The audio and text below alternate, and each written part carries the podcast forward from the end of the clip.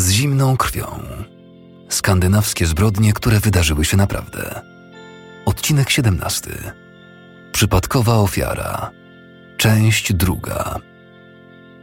W poprzednim odcinku wysłuchaliśmy historii o tym, jak kilkoro dzieci szukających pustych butelek na wymianę dokonało niesamowitego znaleziska na zarośniętej chwastami uliczce w centrum duńskiego miasta Esbjerg. Dzieci odkryły mianowicie stos starych ubrań, ale kiedy podeszły bliżej i przyjrzały się dokładniej, zauważyły, że tuż obok coś wystaje z ziemi. Kiedy zdały sobie sprawę z tego, że są to stopy w skarpetkach należące do pogrzebanego tam człowieka, przeżyły szok. Była to scena niczym z horroru. Znalezienie zwłok zapoczątkowało intensywne czynności śledcze. W tamtej chwili nie było bowiem żadnych przesłanek wskazujących na tożsamość ofiary, sprawców czy też miejsce zbrodni. A co dopiero motyw? Słuchasz jednego z odcinków z zimną krwią. Skandynawskie zbrodnie, które wydarzyły się naprawdę, czyli serii podcastów o prawdziwych zbrodniach w Skandynawii. Wszystko, co zaraz usłyszysz, oparte jest na faktach. Materiały zebrał i opracował Martin Hilander.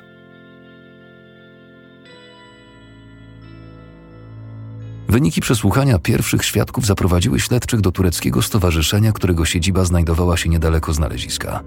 W stosunku do jednego z członków stowarzyszenia, młodego mężczyzny imieniem Muzafer, istniało uzasadnione podejrzenie popełnienia przestępstwa. Po zweryfikowaniu dowodów i przeprowadzeniu wywiadu policyjnego wśród jego przyjaciół i znajomych, mężczyzna został wezwany na posterunek. Śledczy byli przygotowani na bardzo długie i wyczerpujące przesłuchanie. Spotkała ich jednak niespodzianka, która nawet dla nich okazała się sporym zaskoczeniem. Na krótko po tym, jak obaj funkcjonariusze zajęli miejsca w pokoju przesłuchań, by poinformować mężczyznę, że jest oskarżony o morderstwo, ten odpowiedział bez wahania: Tak, ja to zrobiłem. Śledczy prowadzący przesłuchanie w pierwszej chwili nie wiedzieli, jak mają zareagować.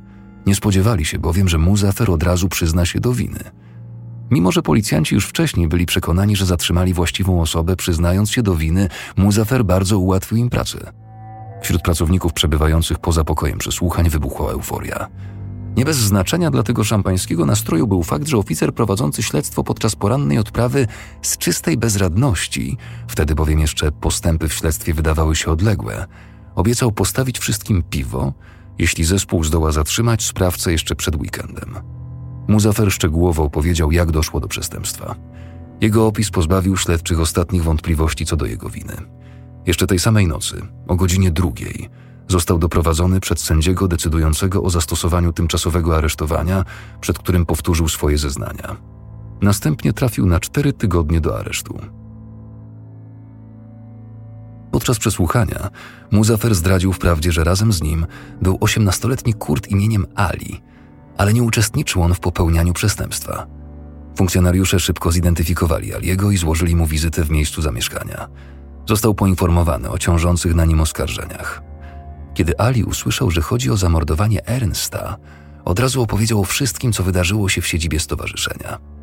Przesłuchanie Aliego kontynuowano nocą, częściowo jednocześnie z posiedzeniem przed sędzią decydującym o zastosowaniu tymczasowego aresztowania wobec Muzafera.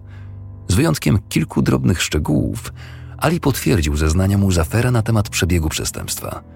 W obliczu jego częściowej obecności podczas popełniania przestępstwa oraz faktu, że miał w rękach narzędzie zbrodni, Ali został oskarżony o współsprawstwo w napadzie ze skutkiem śmiertelnym. Został zatrzymany i ponownie przesłuchany w sobotni poranek. Chłopak powtórzył swoje pierwotne zeznania. Opisy Aliego i Muzafera były w większości zgodne, nawet w tych punktach, co do których nie mieli okazji wcześniej uzgodnić zeznań. Ponieważ zdaniem Muzafera Ali nie miał nic wspólnego z samym morderstwem, w sobotę po południu osiemnastolatek został wypuszczony. W tym samym czasie obaj śledczy z jednostki specjalnej zdecydowali się wracać do Kopenhagi. Nie byli już potrzebni miejscowej policji w związku z tym śledztwem.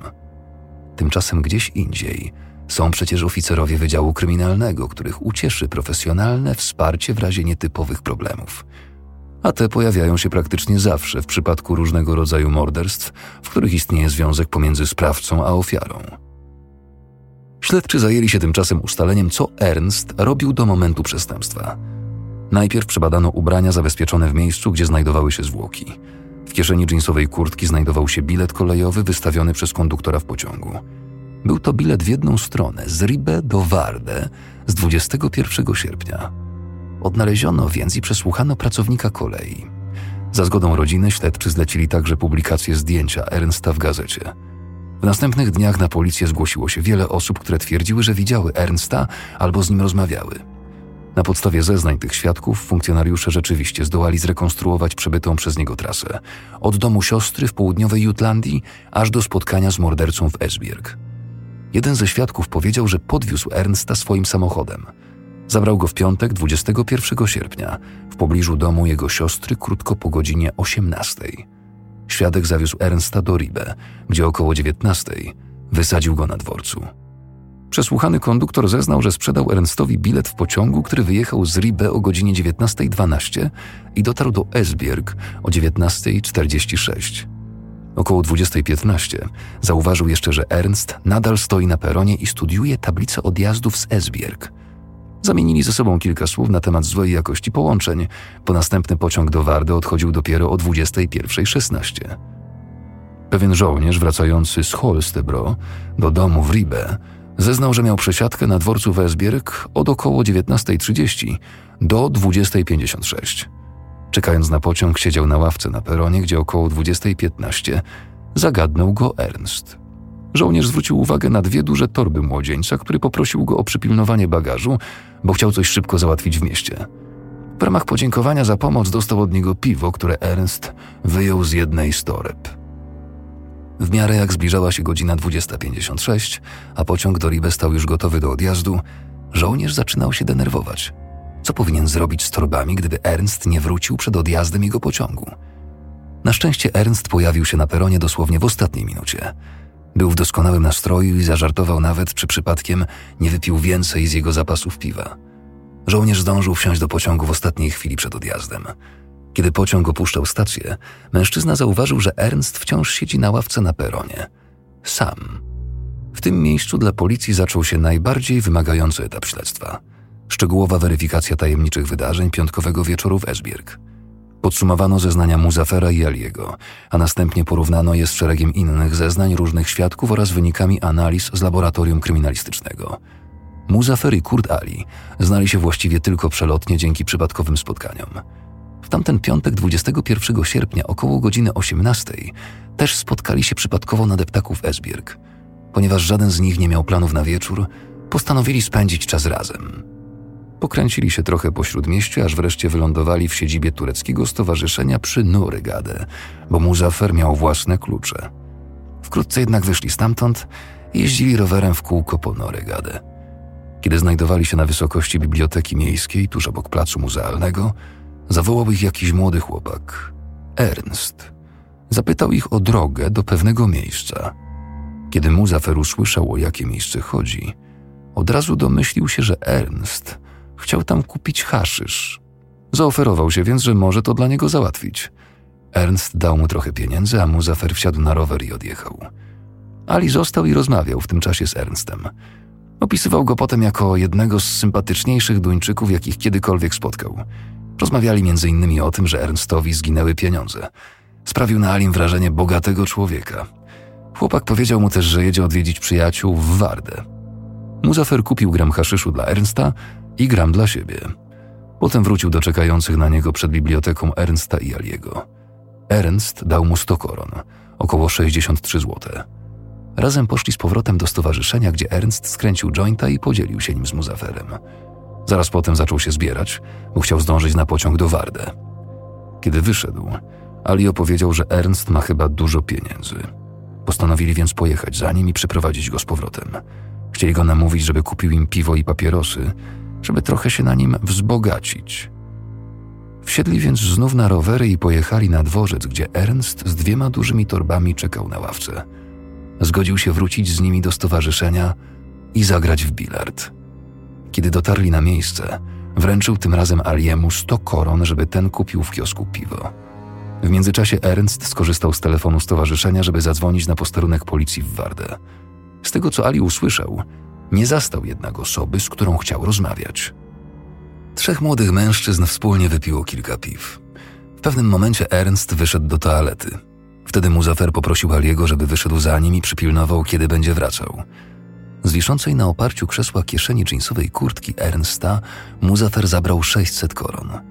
Kiedy Ernst wrócił, Muzafer właśnie siadał z powrotem na swoje miejsce. Od razu zauważył, że coś jest nie tak i zaczął przeszukiwać swoje kieszenie. Nie mogąc znaleźć pieniędzy, oskarżył ich obu o kradzież. Kiedy dyskutował z Alim, Muzafer wykorzystał moment, żeby z powrotem podrzucić pieniądze do kieszeni kurtki Ernsta, tak że tamten nic nie zauważył.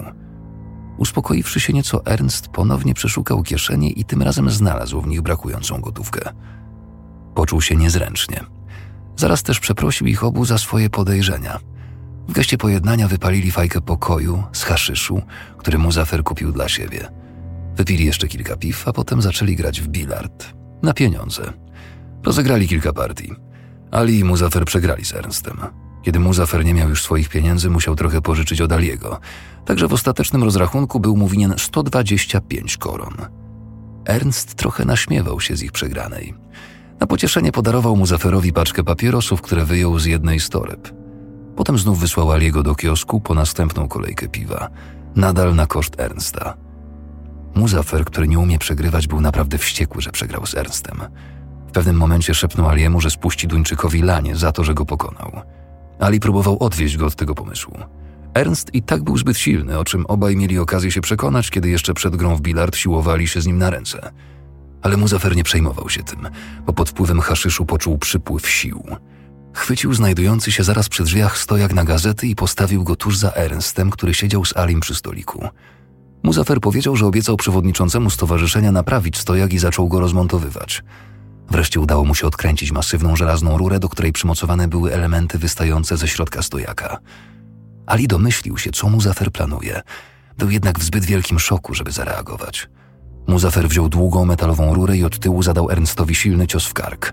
Ernst wstał, mocno chwytając rurę. Potem wypchnął Muzafera tyłem do korytarza prowadzącego do toalet. W korytarzu przycisnął go do ściany i złapał jedną ręką za szyję tak, że Muzafer nie mógł złapać powietrza. Zdołał jednak uwolnić się z potrzasku, zadając Ernstowi ostry cios pięścią prosto w żołądek. Rana na karku Ernsta silnie krwawiła, a podczas bójki krew opryskała też mu zafera. Oprócz tego wylądowała jeszcze na podłodze, na ścianach i na stole bilardowym. Kiedy sytuacja nieco się uspokoiła, Ernst chciał sobie pójść. Obiecał, że nie złoży na nich doniesienia na policję. Ale Muzafer mu nie wierzył. Powiedział do niego, żeby poszedł chociaż do toalety się umyć. I Ernst tak właśnie zrobił. Przestraszony obrotem wydarzeń Ali próbował się wymknąć. Muzafer zatrzymał go jednak, mówiąc, że będzie jeszcze potrzebować jego pomocy. Kiedy Ernst pochylał się nad umywalką w toalecie, Muzafer ponownie uderzył go żelazną rurą. Ten cios powalił chłopaka na ziemię. Potem Muzafer uderzył go jeszcze pięć albo sześć razy tą samą rurą w głowę i tułów, aż wreszcie Ernst stracił przytomność. Ali i Muzafer poszli do kuchni stowarzyszenia, gdzie Ali raz jeszcze poprosił Muzafera, żeby pozwolił mu sobie pójść. Ten się jednak nie zgodził. Ali złapał więc leżący na kuchennym stole krótki nóż do chleba i skierował ostrze w siebie samego. Spojrzał Muzaferowi w oczy i oznajmił, że popełni samobójstwo, jeśli ten nie pozwoli mu odejść. Ale Muzafer nic mu na to nie odpowiedział. Ali wcisnął mu nóż do ręki i powiedział, że będzie musiał albo go zabić, albo wypuścić. W wyniku tej wymiany zdań Ali musiał przysiąc, że nikomu nie powie, co się wydarzyło. Muzafer zagroził, że go zabije, jeśli piśnie choć słówko, nawet gdyby miał w tym celu czekać, aż wyjdzie z więzienia. Potem pozwolił Aliemu wyjść. Ten zaś był tak przerażony groźbami Muzafera i tym, co przed chwilą zobaczył, że czym prędzej pobiegł do domu i od razu wskoczył do łóżka. Nóż, który Ali wręczył Muzaferowi, ten włożył do tylnej kieszeni spodni. Teraz, kiedy jego towarzysz sobie poszedł, Muzafer chodził niespokojnie tam i z powrotem i rozmyślał nad sytuacją, w której się znalazł. Nie mógł się jednak skupić, bo wciąż był na haju. Chwilę później usłyszał, jak Ernst kopie w drzwi toalety, które dla bezpieczeństwa Muzafer zamknął na klucz, wychodząc z Alim na zewnątrz. Po otwarciu drzwi zobaczył, że Ernst właśnie próbuje wstać. Kopnął go więc tak mocno, że ten wylądował z powrotem na podłodze. Ernst zaczął coś mruczeć, ale Muzafer nie rozumiał. Dopiero po chwili Wyraźniej kilka razy kazał Muzaferowi spadać. Nawet go przy tym kopnął. Muzaferowi było już wszystko jedno. I tak dobrze wiedział, że Ernst jest załatwiony. W tym momencie przypomniał sobie, że w kieszeni spodni ma jeszcze nóż. Wyjął go i zaczął grozić Ernstowi. Zadał mu kilka ciosów w szyję pod lewym uchem. Rany silnie krwawiły. Odłożył nóż na podłogę obok Ernsta. Potem wyszedł i zamknął drzwi na klucz. Zajął się sprzątaniem sali bilardowej. Nagle jednak usłyszał, że Ernst znów kopie w drzwi toalety. Był zdziwiony, bo spodziewał się, że jest już martwy, ale nie przejął się zanadto, bo wciąż był na niezłym haju. Poszedł z powrotem do toalet i otworzył drzwi. Jedną ręką wziął z ziemi nóż, drugą uniósł głowę Ernsta. Przyglądał mu się przez chwilę. Potem jednym ruchem poderżnął mu gardło, by uwolnić go od męczarni. Krótko po zabiciu Ernsta Muzafer zauważył zatrzymujący się przy placu muzealnym patrol policji. Obawiał się, że został zdemaskowany i był nawet bliski oddania się w ręce funkcjonariuszy. Jak się okazało, na jego szczęście była to tylko rutynowa kontrola jednego z pojazdów. Wkrótce potem patrol odjechał. Muzafer poczuł się nagle bardzo zmęczony. Położył się więc na kilku zsuniętych razem krzesłach w sali bilardowej. Kiedy się obudził, postanowił zebrać kilka osób, żeby pomogły mu pozbyć się zwłok. Chcąc ukryć swoje zakrwawione ubranie, założył zestaw odzieży przeciwdeszczowej znalezionej w torbie Ernsta. Potem wyciągnął jeszcze jego kowbojki, które też założył. Wreszcie wsiadł na rower i pojechał do knajpy, w której często bywał ze swoim przyjacielem Halilem. Spotkał go przed wejściem do lokalu. Wyjaśnił mu sytuację. Nie zdołał jednak namówić go, żeby poszedł z nim do stowarzyszenia i pomógł zatrzeć ślady. Po powrocie do stowarzyszenia Muzafer sprzątał dalej. Wyciągnął bezwładne ciało Ernsta z toalety i położył je na dywanie w korytarzu. Zawinął w niego zwłoki i wywlógł na zewnątrz. Tam je na razie zostawił i wrócił do środka, żeby dokończyć sprzątanie. Czekało go dużo pracy, bo w toalecie było pełno krwi. Potem znów wyszedł na zewnątrz i zaciągnął zawinięte w dywan ciało Ernsta w uliczkę obok stowarzyszenia. Zostawił je w kącie razem z dywanem, tak żeby od głównej ulicy nie było nic widać. Zabrał z torby Ernsta kilka pudełek papierosów, a potem obie torby ustawił obok zwiniętego dywanu razem z zestawem przeciwdeszczowym i kozakami.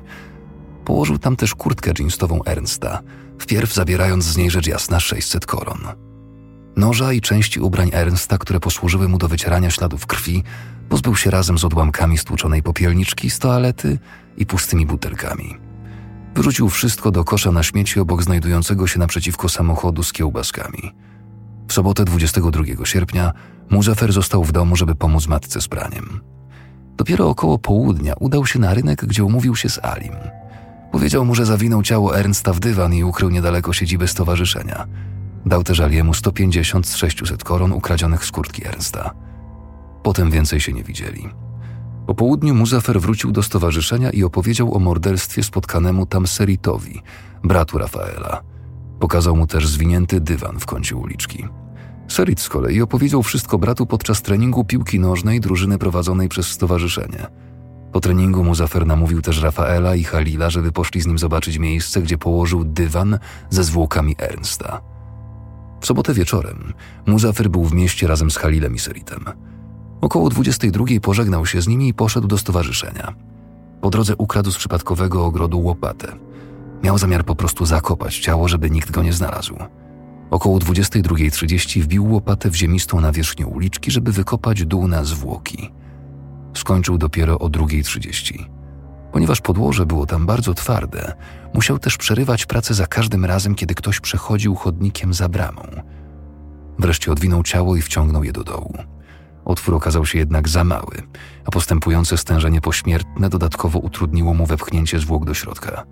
Przekręcił więc ciało na plecy, przykrył szybko i niedbale złożoną wykładziną, a na koniec wepchnął do dołu, skacząc po nim z impetem. Włożył tam też białą torbę i kosmetyczkę. Potem wszystko z powrotem zasypał. Nie przyłożył się jednak do tego jakoś szczególnie, bo kiedy skończył, stopy nieboszczyka wciąż jeszcze wystawały z ziemi.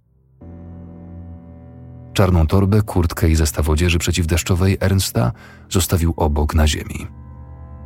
Swoją niedbałość przy ukrywaniu zwłok i pozostałych przedmiotów Muzafer tłumaczył przed śledczymi, twierdząc, że chciałby ktoś znalazł ciało. Wiedział, że dzieci z sąsiedztwa zaglądają od czasu do czasu w tę uliczkę w poszukiwaniu pustych butelek na wymianę. Ali przypominał sobie, że kiedy tuż po bójce w siedzibie stowarzyszenia Muzafer kategorycznie zabronił mu wspominać komukolwiek o tym, co się stało tamtej nocy, wspomniał też, że dzień wcześniej, we czwartek, również kogoś pobił i ukradł mu pieniądze. Ta informacja zgadzała się z zeznaniami pewnego mężczyzny, który zgłosił napad na policję. Został on napadnięty na ulicy przez grupkę młodych mężczyzn o ciemnej karnacji mówiących łamanym duńskim. Ukradli mu wtedy portfel. W tym samym czasie wpłynęły też zgłoszenia o szeregu innych napadów, których sprawcami byli tak samo opisywani mężczyźni. Muzafer został skonfrontowany z tymi informacjami. Ostatecznie przyznał się do uczestnictwa w łącznie pięciu napadach, których dokonał latem razem z Seritem i. Do tego doszła jeszcze jedna kradzież i jedno włamanie do piwnicy. Muzafer za każdym razem twierdził, że sam zamordował Ernsta i zakopał jego ciało. Nie było zresztą żadnych konkretnych dowodów ani śladów, które wskazywałyby na obecność współsprawców. Policjanci jednak w dalszym ciągu byli sceptyczni co do tego, czy drobny i wątły Muzafer rzeczywiście byłby w stanie sam zawinąć w dywan ciało Ernsta, 1,90 m wzrostu i 72 kg wagi, a następnie wyciągnąć go z siedziby stowarzyszenia do uliczki obok. Aby to sprawdzić, w połowie listopada przeprowadzono rekonstrukcję na miejscu zbrodni oraz na miejscu znalezienia zwłok. Muzafer dobrowolnie zgodził się wziąć w niej udział. Ali natomiast nie chciał się zgodzić, bo nie mógł znieść myśli o tym, że miałby przeżywać wszystko jeszcze raz. Dlatego w miejsce Aliego i Ernsta zaangażowano statystów. Aby rekonstrukcja przebiegła możliwie realistycznie, policjanci załatwili ze sklepu z dywanami kawałek wykładziny, której grubość i jakość były zgodne z właściwościami materiału pochodzącego z korytarza stowarzyszenia. Wykładzina została odpowiednio przycięta i położona na pierwotnym miejscu. Od jednostki duńskiej obrony cywilnej policja wypożyczyła wykonaną z tkaniny lalkę wielkości człowieka, służącą do ćwiczeń ratunkowych.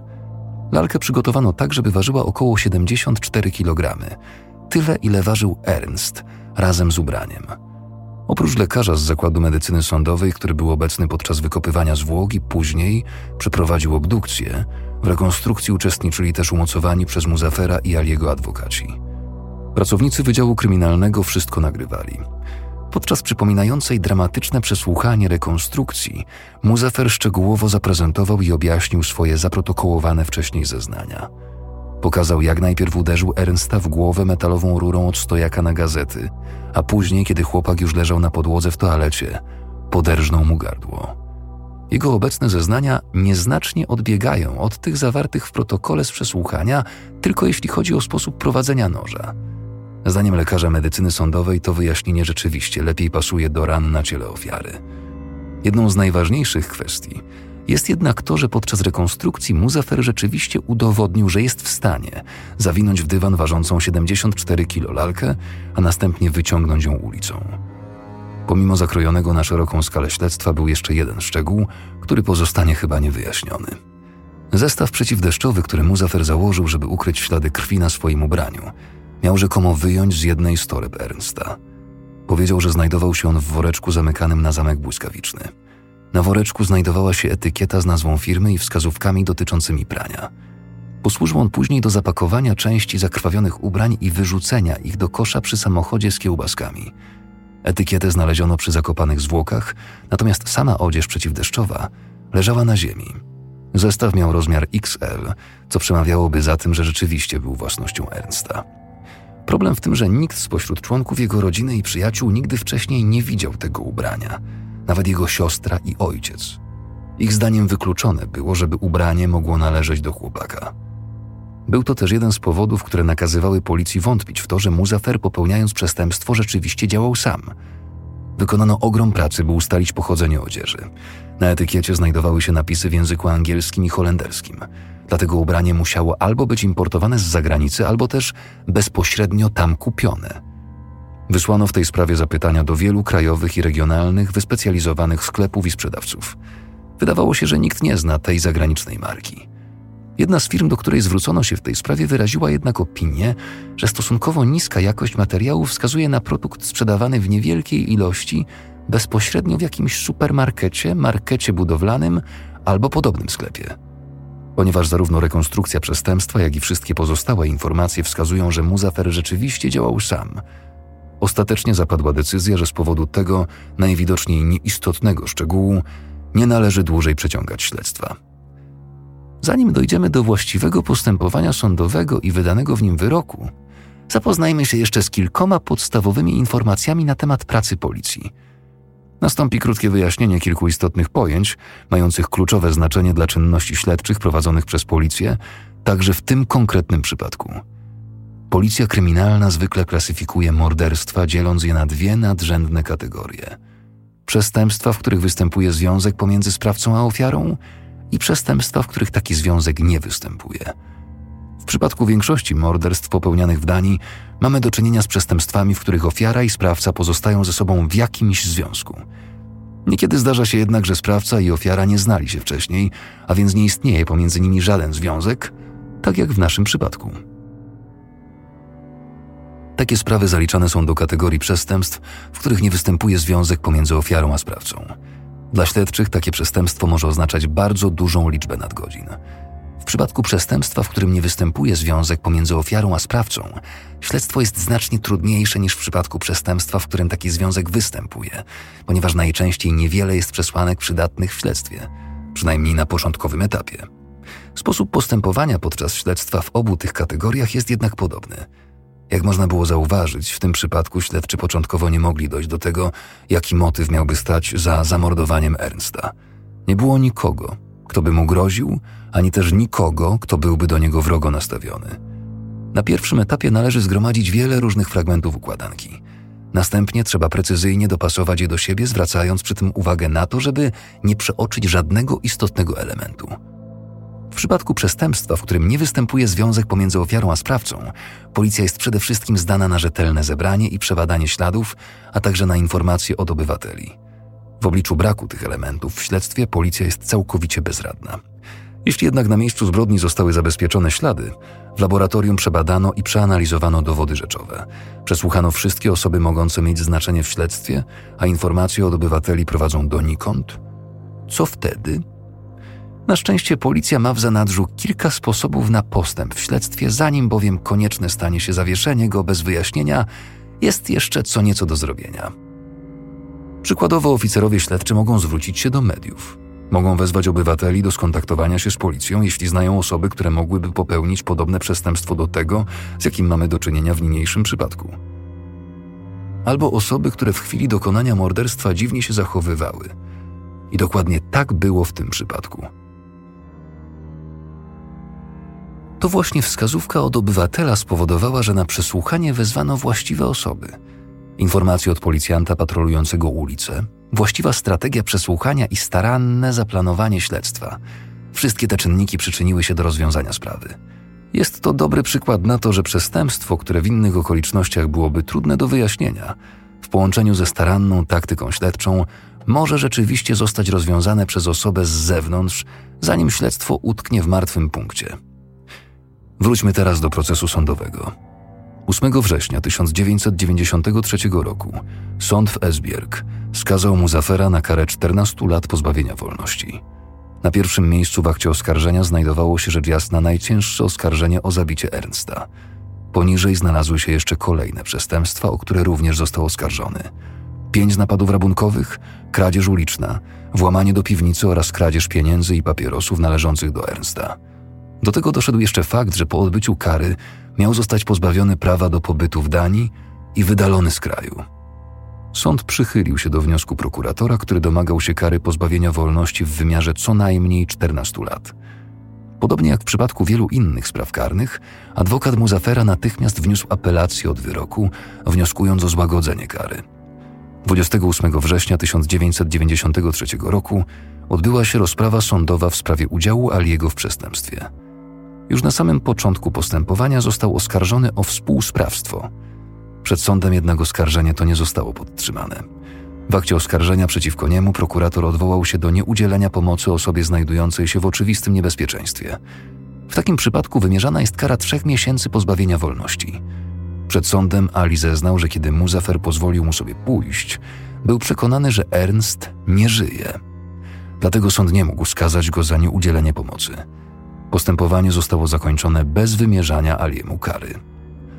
16 listopada 1993 roku sąd apelacyjny podtrzymał wymiar kary z wyroku przeciwko Muzaferowi. Zarówno karę 14 lat pozbawienia wolności, jak i dożywotnie wydalenie z kraju. W chwili skazania Muzafer miał 20 lat.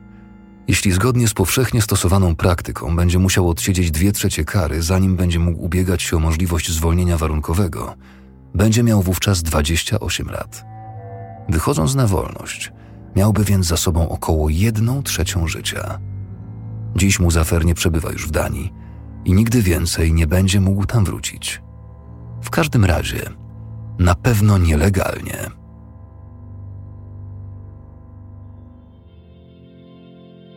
Wersja polska, tłumaczenie i realizacja nagrań Roboto Sound. Czytał Filip Kosior.